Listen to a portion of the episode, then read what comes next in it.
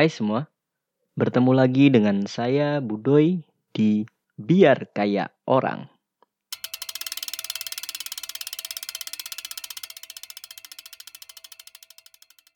Episode ini adalah salah satu rangkaian episode yang membahas tentang buku Sebuah Seni untuk Bersikap Bodoh Amat karangan Mark Manson. Untuk pengalaman sempurna, harap mendengarkan episode lain yang berkaitan. Selamat mendengarkan. Bab 4. Nilai penderitaan. Mari kita awali episode ini dengan sebuah cerita tentang pengorbanan, tentang penderitaan. Cerita yang berasal dari zaman Perang Dunia Kedua, menceritakan tentang Letnan II yang bernama Hiro Onoda. Hiro Onoda ini adalah letnan 2 yang berasal dari ketentaraan Jepang ya. Posisinya pada saat itu Jepang sudah berada di ambang kalahan oleh sekutu. Eh, benteng-benteng pertahanan militernya mulai porak-poranda di setiap daerah yang menjadi pusat pendudukan Jepang, terutama di pusat Asia Pasifik ya, Lalu diperintahkan si Hiro Onoda ini oleh panglimanya, oleh petingginya untuk menghambat dengan cara apa pun pergerakan si tentara militer AS ini di Asia Pasifik. Dan Letnan Hiro Onoda dengan satu peletonnya disuruh untuk berjaga dan melakukan perlawanan di sebuah pulau kecil bernama Lubang yang berada di negara Filipina.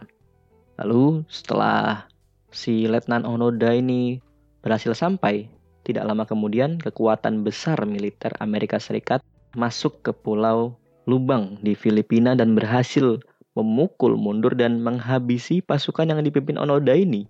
Hingga tersisalah tiga orang saja termasuk Onoda sendiri dan akhirnya mereka bertiga masuk ke dalam pedalaman hutan Pulau Lubang Filipina dan melancarkan perang gerilya dari sana. Dengan cara mengambil hewan-hewan ternak dan hasil petani yang bisa mereka temukan, menyerang tentara Amerika Serikat yang terlalu jauh sendirian masuk ke hutan, menyabotase distribusi di pelabuhan yang dilakukan oleh tentara Amerika Serikat, segala cara dilakukan oleh ketiga orang ini untuk memberikan perlawanan, untuk memberikan uh, seenggaknya perjuangan lah untuk menghambat militer besar AS ini untuk tidak bisa menguasai Pulau Lubang, Filipina. Berbagai macam cara sudah dilakukan oleh Letnan Hiro Onoda dan tiga orang yang tersisa ini. Namun setelah setengah tahun mereka melakukan perlawanan, melakukan perjuangan, ternyata Amerika Serikat menjatuhkan bom atom ke kota Hiroshima dan Nagasaki di Jepang. Hal ini tentu membuat Jepang kehabisan akal dan akhirnya menyerah di Perang Dunia Kedua. Berita menyerahnya Jepang ini tapi nggak sampai nih ke tentara-tentara Jepang yang tersebar seperti si Onoda dan pasukannya ini yang sudah terlanjur tersebar di pedalaman-pedalaman hutan di Asia Pasifik. Nah, akhirnya pemerintah Amerika Serikat dan Jepang berinisiatif untuk menjatuhkan ribuan selebaran yang isinya kurang lebih bahwa perang ini telah selesai. Tidak ada lagi yang perlu diperjuangkan. Kalian sudah kalah. Namun si Onoda beranggapan bahwa ini nih hanya tipu muslihat saja dan tetap melanjutkan perang gerilyanya. Ia tetap membunuh-bunuh orang-orang yang terlalu jauh masuk ke dalam hutan, masih menghabisi hewan-hewan peliharaan yang dimiliki oleh penduduk setempat masih menyabotase distribusi barang tentara Amerika Serikat. Perjuangan itu terus dilakukan hingga 25 tahun lamanya. Hingga dari sekitar satu kompi dan akhirnya tiga orang termasuk Onoda tersebut, akhirnya tersisalah si Onoda itu sendirian. Karena yang lainnya sudah tertembak, sudah meninggal, dan ada juga yang menyerahkan diri ke polisi setempat selama 25 tahun itu tidak hanya sekali atau dua kali pemerintah Amerika Serikat dan Jepang menerbangkan selebaran-selebaran yang berisikan bahwa perang itu sudah selesai kali-kali dengan cara yang banyak dilakukan, seperti contohnya memberikan foto kaisar dan berisikan sebuah surat pribadi yang ditulis oleh kaisar sendiri. Disebarkan juga foto-foto keluarga, keluarga-keluarga tentara yang merasa sanak keluarganya belum pulang dari perang. Namun Onoda masih menganggap semua itu hanyalah tipu muslihat belaka. Sehingga 25 tahun lamanya ia terus mengorbankan perang gerilya karena ia diminta atasannya untuk apa pun yang terjadi, jangan pernah menyerah. Tetaplah berada dan berjuang di tempat yang saya tugaskan, kata pimpinannya si Onoda ini. Lalu kita kembali ke zaman modern. Ada seorang pemuda, orang Jepang juga, bernama Norio Suzui. Si Norio Suzui ini adalah orang yang sangat tergila-gila dengan petualangan ia tidak betah dengan sesuatu yang bersifat kaku dan baku. Ia tidak betah berada di sekolah, ia tidak betah bekerja. Ia menghabiskan waktunya, ia mendedikasikan hidupnya untuk melompat dari satu petualangan ke petualangan yang lainnya.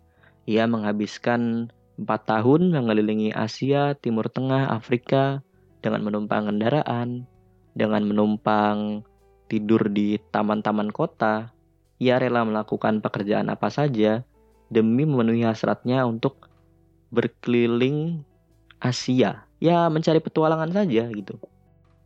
Lalu urban legend tentang Onoda yang masih hidup di Pulau Lubang ini ternyata menarik hati si Norio Suzuki ini. Ia percaya bahwa dialah yang akan menjadi orang pertama yang berhasil menemukan Onoda.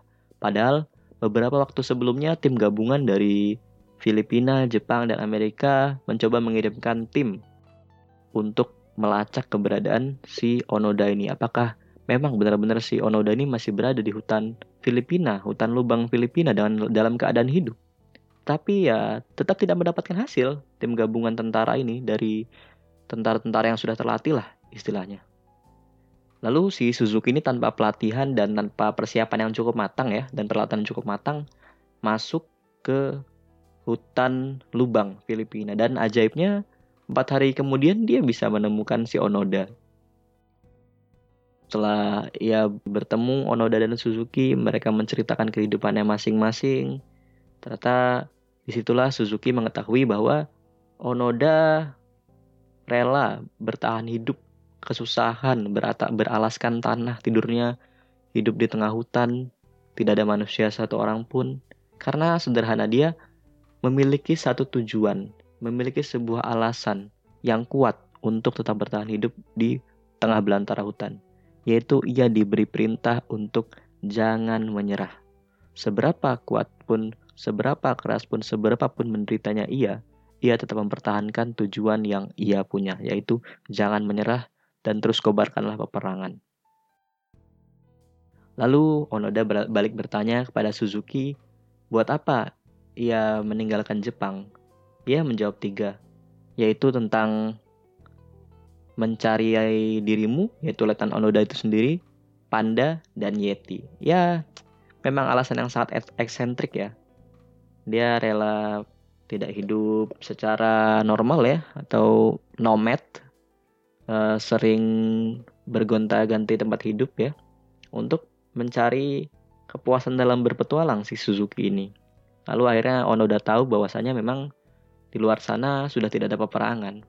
Dan akhirnya mereka berdua kembali ke Jepang. Lalu setelah sampai di Jepang, mereka berdua berpisah.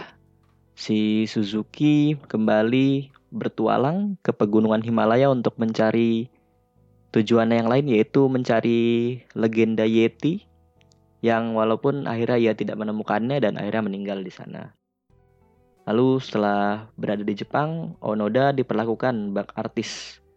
Diperlakukan bak orang yang masuk kapsul waktu. Ia tahu dunia itu ya 25 tahun yang lalu ketika ia masih perang sebelum dia masuk ke hutan dan ketika dia masuk ke Jepang modern tentu dia terkaget-kaget. Dia diwawancarai dan ditanya apakah ia menyesali 25 tahun lebih ia berada di lubang Filipina tanpa tujuan, menghidupi sebuah tujuan yang sebenarnya tidak ada, yaitu untuk terus mengorbankan perang, padahal perang sudah lama selesai. Onoda menjawab bahwa ia merasa bangga bisa membaktikan seperempat hidupnya mungkin bisa membaktikan sebagian besar porsi hidupnya untuk melayani perintah dari atasannya atau seolah-olah ia melayani kaisar secara langsung. Yang perlu digarisbawahi menurut Mark di sini adalah Onoda telah memilih penderitaannya sendiri dan ia mau menderita karena baginya penderitaan itu bermakna. Penderitaan itu memiliki arti, jadi ia dapat menanggung sakitnya derita itu dan menikmatinya. Menurut Mark, jika penderitaan atau permasalahan dalam hidup kita ini tidak dapat ditolak, karena memang hidup ini penuh dengan masalah, hidup ini penuh dengan penderitaan, hidup ini penuh dengan pemikiran dan kekacauan. Pertanyaannya, adalah sekarang bukan gimana kita menghentikan penderitaan atau masalah yang terus datang ini, tapi apakah saya bisa menikmatinya? Apakah saya bisa menikmati penderitaan ini? Dan lantas tujuannya apa? Saya mendapati masalah dan mendapati penderitaan ini. Kalau si Onoda kan jelas, ia memang memiliki tujuan untuk melayani kekaisaran, melayani pimpinannya dulu dengan terus mengorbankan perang. Karena dia memang adalah orang Jepang tradisional yang selalu memegang nilai-nilai Jepang lawas ya, yaitu sangat membaktikan diri kepada kekaisaran. Jadi ia rela menderita, ia menikmati penderitaan itu. Ia rela menghabiskan kurang lebih 25 tahun ia menderita di dalam hutan. Begitupun si Suzuki, si Nori, Norio Suzuki tadi yang menahbiskan hidupnya hanya untuk berpetualang. Ia bukanlah tipe orang yang wah harus karir, karirnya tinggi, memiliki pekerjaan yang layak, memiliki gaji yang sekian, sekian, sekian. Tapi ia lebih mempunyai tujuan untuk merasakan sepenuhnya hidup. Sepenuhnya hidup adalah dengan menyatu dengan lingkungannya dan mencari petualangan di mana pun ia bisa menemukannya. Walaupun dengan resiko-resiko penderitaan-penderitaan yang harus ia terima, yaitu ia tidur di bangku taman, ia harus rela bekerja kasar untuk mendapatkan mungkin sepotong roti, ia harus mengorbankan donor darah untuk mendapatkan tempat berteduh ketika hujan, dan masih banyak masih banyak ketidakpastian yang lainnya. Kalau memang kita bukanlah pecandu ketidakpastian, bukanlah pecandu petualang. Orang yang ya hidupnya harus ini habis ini apa, habis ini apa. Nah, itu mungkin tidak cocok dengan tujuan si Suzuki ini. Jadi kita harus benar-benar mencari tujuannya dan setelah kita mencari tujuan hidup kita, kita mencoba mengsimulasikan kira-kira apa saja nih masalah-masalah atau penderitaan yang kira-kira akan kita terima dan kalau misalkan kita menerima apa saja dan menikmati apa saja penderitaan yang akan kira-kira akan kita terima di masa yang akan datang. Ya, go for it. Kita harus memperjuangkan tujuan itu terus-menerus. Lalu menurut Mark, kita memiliki kesadaran diri atau yang dinamakan dengan kesadaran emosional. Dan bisa diibaratkan kesadaran diri atau kesadaran emosional ini adalah ibarat bawang yang punya beberapa lapisan. Beberapa lapisan itu mungkin kalau diperinci lagi ada tiga lapisan ya. Yang pertama adalah lapisan bawang atas kesadaran emosi dasar. Yaitu apa-apa saja yang membuat kita sedih, gembira, kecewa, perasaan-perasaan dasar saja gitu. Tapi masalahnya adalah parahnya banyak orang yang gak sadar tentang apa yang mereka rasakan sekarang, emosi apa yang mereka punya sekarang. Seperti ya mungkin ada seorang teman kita yang terlihat murung, tetapi dia tidak menyadari kalau sekarang dia itu sedang bersedih gitu. Dan ketika dia baru ditanya, eh emang kamu sedang bersedih ya? Ah enggak kok aku nggak bersedih. Lantas kenapa kamu murung?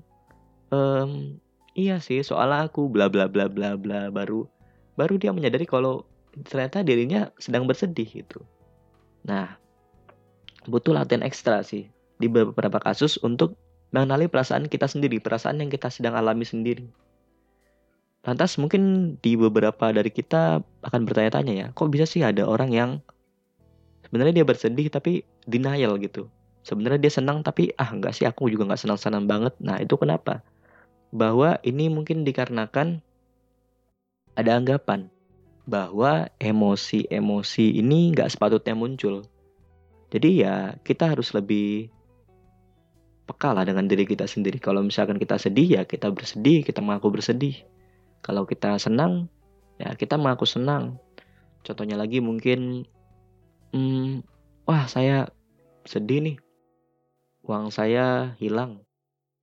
Ah tapi uangnya sedikit kok, seharusnya tidak saya tidak bersedih. Nah itu loh, kita memiliki anggapan bahwa emosi-emosi ini tidak sepatutnya muncul karena standar-standar kita yang kadang-kadang terlalu tinggi untuk merasakan sesuatu emosi.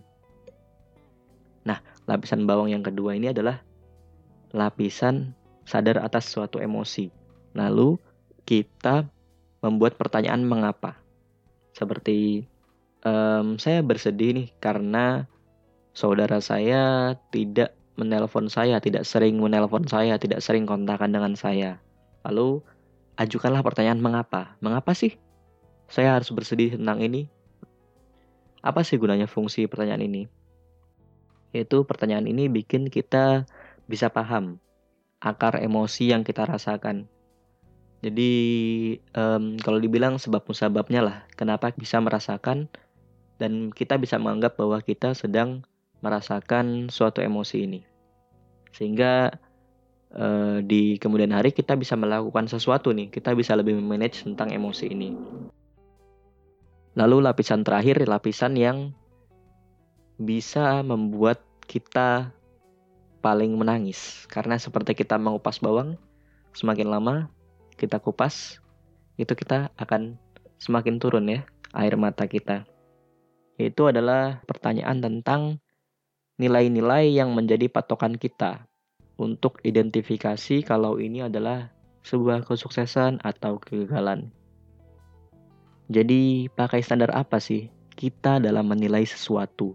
Dan mending kalau misalkan nilai yang kita pegang itu adalah nilai yang sebenarnya dan bukan nilai yang buruk atau gegabah dalam pemilihannya. Karena ujung-ujungnya respon kita terhadap sesuatu, terhadap emosi kita itu, itu adalah berdasarkan nilai-nilai yang kita pegang, yang kita jadikan pedoman.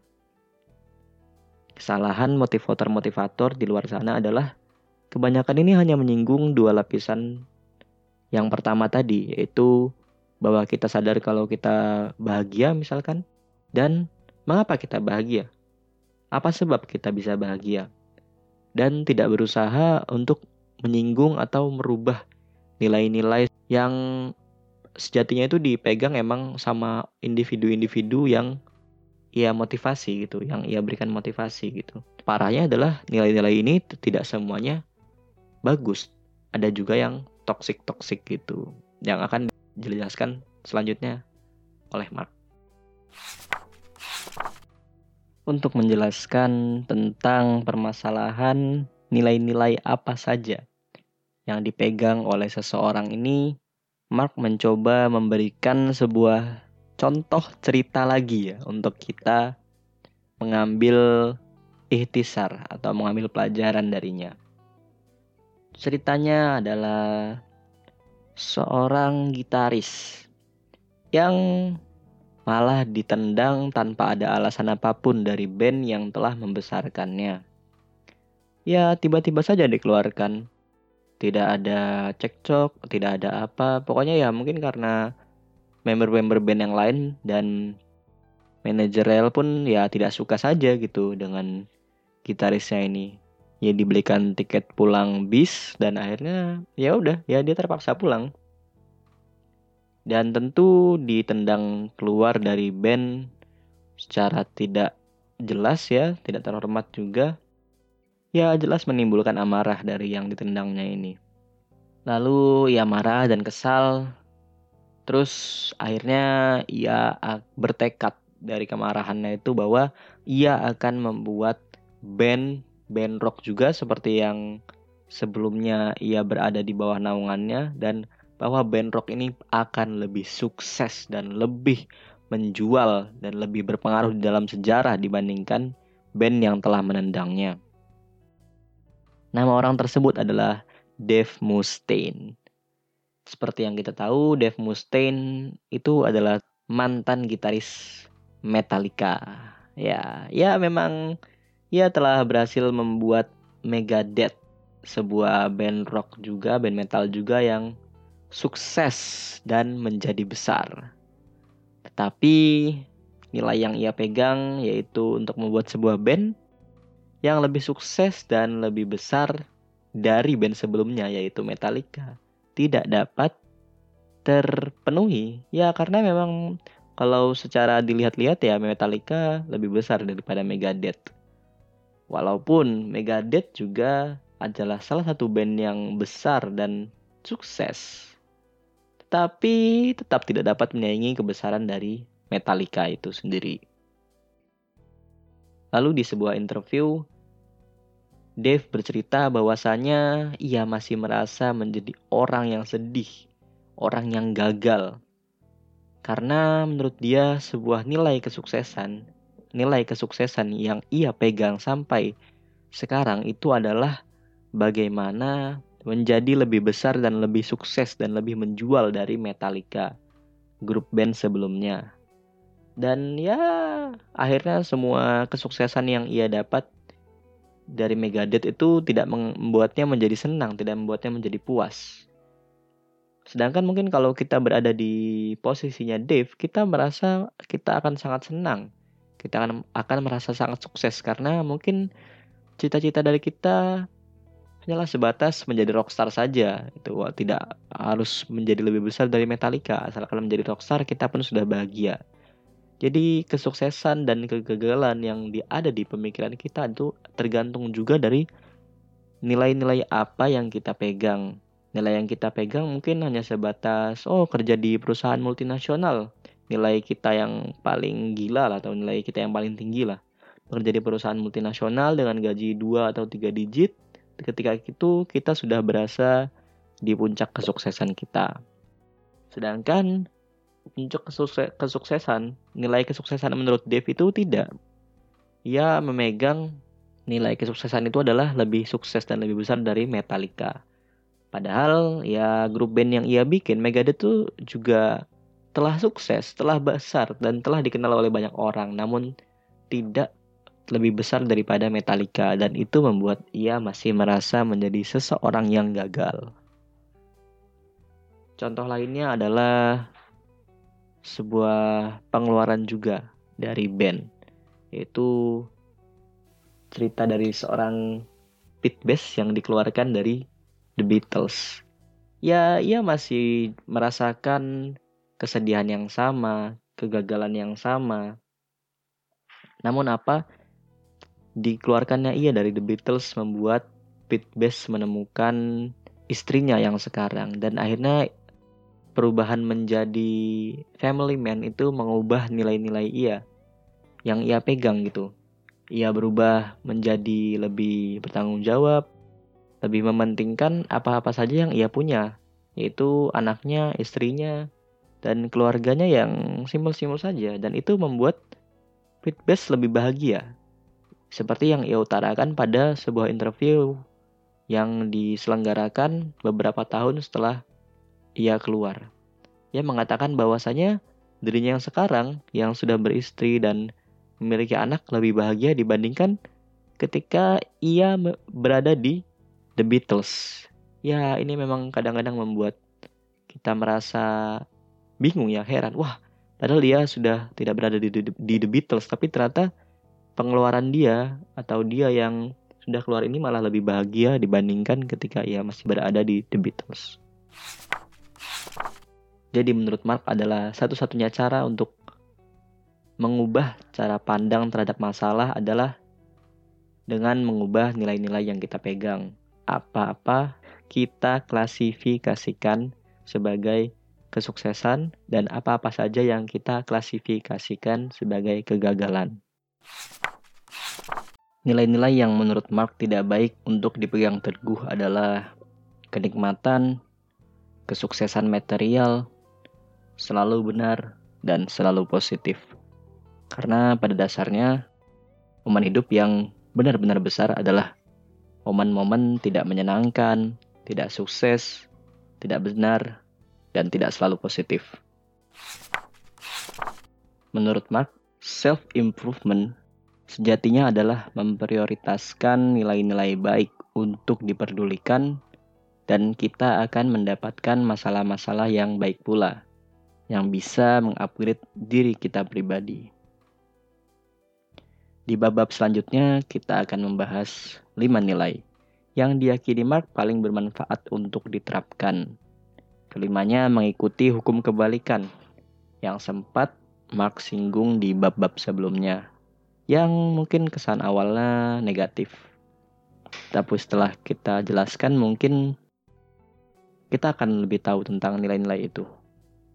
Semua menuntut kita untuk berkonfrontasi dengan masalah dan bukan menghindarinya.